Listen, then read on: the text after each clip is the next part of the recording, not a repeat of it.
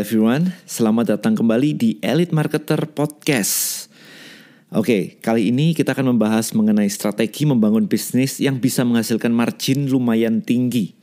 Ya karena banyak orang pengen membangun sebuah bisnis tapi kenyataannya adalah tidak mudah ya untuk menemukan bisnis apa sih sebenarnya yang yang memiliki margin tinggi gitu. Kita maunya profit lebih banyak kan, bukan cuma sekedar sibuk berjualan tapi habis itu nggak ada profit gitu. Jadi banyak orang itu selalu berpikir tentang jualan, jualan, jualan mulu gitu ya. Kalau misalkan mau bisnis ya nyarinya produk. Jadi setiap kali saya menawarkan belajar digital marketing, selalu mereka mengatakan saya belum punya produk nih untuk dijual. Jadi memang fokusnya di produk mulu gitu. Nggak salah juga sih karena mereka juga nggak pernah belajar selain itu. Dari dari waktu sekolah pun kita juga cuma diajarin untuk jualan skill kan. Diajarin mendapatkan ilmu yang kemudian kita bisa bekerja untuk menjual skill kita. Nah problemnya adalah kalau sampai menukarkan waktu dan tenaga demi uang. Karena waktu dan tenaga adalah dua hal yang sangat terbatas. Dua resources terpenting kita dan sangat terbatas. Kita nggak bisa nambah tenaga terus-terusan gitu ya. Tenaga kita ada batasnya gitu. Kemudian waktu itu juga sangat terbatas. Kita tidak bisa yang namanya mem, apa ya mendapatkan waktu lagi gitu. Yang sudah terbuang, sudah lewat, ya sudah.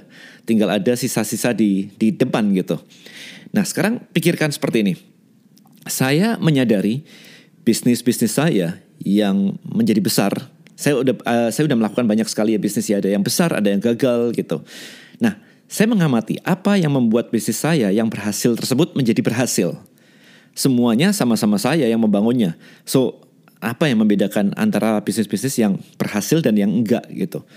Nah, di awal saya membuat suplemen distribution company kurang lebih udah hampir 20 tahun yang lalu ya. And we make billions guys. Kita mendapatkan hasil yang lumayan besar banget di situ. Oke, okay. saya membuat workshop juga DMID. And we reach almost the same number in just one workshop, billions. Saya juga membuat Bonels Essential Oil yang sudah mencapai billions untuk total revenue.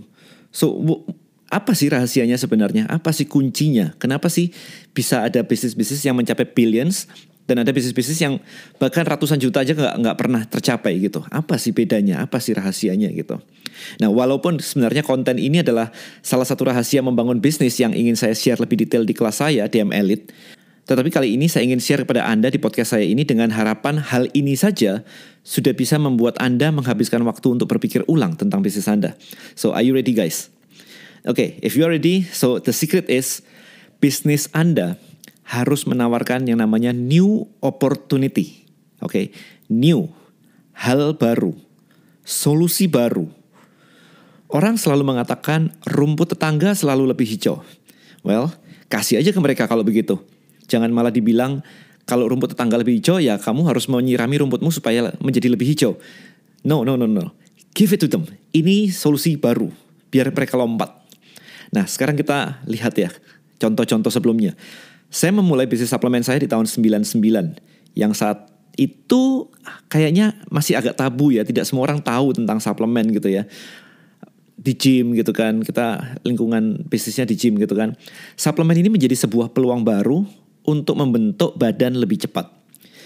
Dan ketika banyak orang tahu, maka bisnisnya hanya tinggal boom sih sebenarnya. Jadi waktu itu tinggal kita roadshow ke sana kemari, kasih tahu bahwa solusi untuk mempercepat hasil nge-gym adalah dengan menggunakan suplemen. Maka bisnisnya hanya tinggal ya hanya tinggal bisa boom aja kalau seperti itu. Karena semua orang melihat itu adalah sebuah peluang baru di mana tidak banyak kompetitor pada waktu itu. Nah, saya juga memulai digitalmarketer.id, mengajarkan strategi digital marketing di DM Elite ya, workshop dengan konten yang sangat berbeda. Banyak orang mengajarkan workshop-workshop tentang SEO, uh, bikin website, Facebook Ads, bikin email list, dan hal-hal teknis lainnya lah. Saya dengan background berjualan hampir 20 tahun, dan digabungkan dengan NLP, Neuro Linguistic Programming, jadi mempelajari bagaimana cara otak bekerja, saya membawakan DM Elite ini lebih ke core-nya, yaitu ke marketing itu sendiri. Di mana dari kata marketing itu sendiri, yaitu market. Jadi fokus DM Elite adalah tentang marketnya, dan bagaimana kita melayani market tersebut. Kita tidak membahas tentang bagaimana melakukan SEO, bagaimana menjalankan iklan dan sebagainya. Itu enggak. Itu ada kelasnya sendiri. Tapi di DM Elite kita mengajarkan hal yang berbeda. Sama dengan strategi membangun rumah, kita mengajarkan Anda untuk menjadi pemilik rumah atau arsitek. Jadi kita tidak mengajarkan Anda untuk instalasi listrik misalnya. Atau misalkan Anda mau membangun sebuah rumah sakit, kita mengajarkan strategi bagaimana membangun sebuah rumah sakit. Kita tidak mengajarkan kuliah kedokterannya. Karena itu sama sekali berbeda, ya. Nah, dengan konten yang sangat berbeda ini, maka DM Elite menjadi new opportunity bagi orang-orang yang ingin membawa bisnisnya menuju digital. Walaupun mereka gaptek atau newbie misalkan. Nah, apabila Anda menawarkan new opportunity seperti ini, maka Anda bisa mendapatkan profit margin yang relatif lebih besar. Karena orang fokus kepada new opportunity-nya dan bukan kepada produknya dalam konteks untuk dibanding-bandingkan dengan produk sejenis di luaran sana. Ya, jadi mereka melihatnya kepingin dengan new opportunity-nya. Karena kepingin, mereka punya hope di situ, punya harapan. Yang itu membuat apa pun yang mereka lakukan harus bisa mencapai hope tersebut. Itu goalnya seperti itu. Nah, poin berikutnya adalah most people only know how to sell. Mereka hanya tahu jualan, jualan, jualan. Mereka lupa untuk mengajar. New opportunity di sini artinya adalah market itu belum paham bagaimana menggunakan produk kita. Yang artinya juga adalah Anda harus mengajarkan kepada mereka bagaimana cara menggunakan produk kita dengan detail.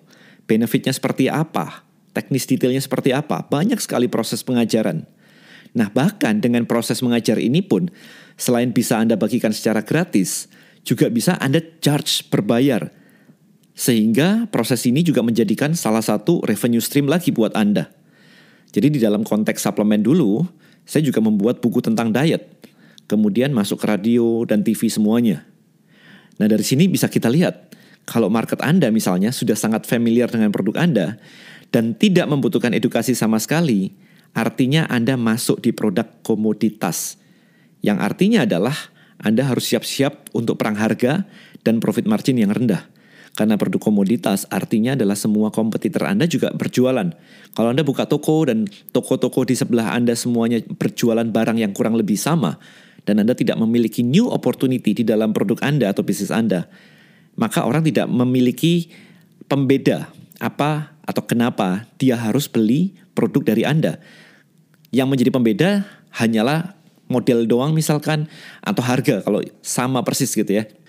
Kalau yang dibandingkan adalah harga, maka harga yang paling murah yang menjadi pemenangnya. Sementara Anda tahu sendiri kalau misalkan Anda mau banting-bantingkan harga supaya menjadi paling murah, maka margin profit Anda menjadi kecil dan Anda tidak memiliki budget untuk melakukan proses marketing, iklan dan sebagainya.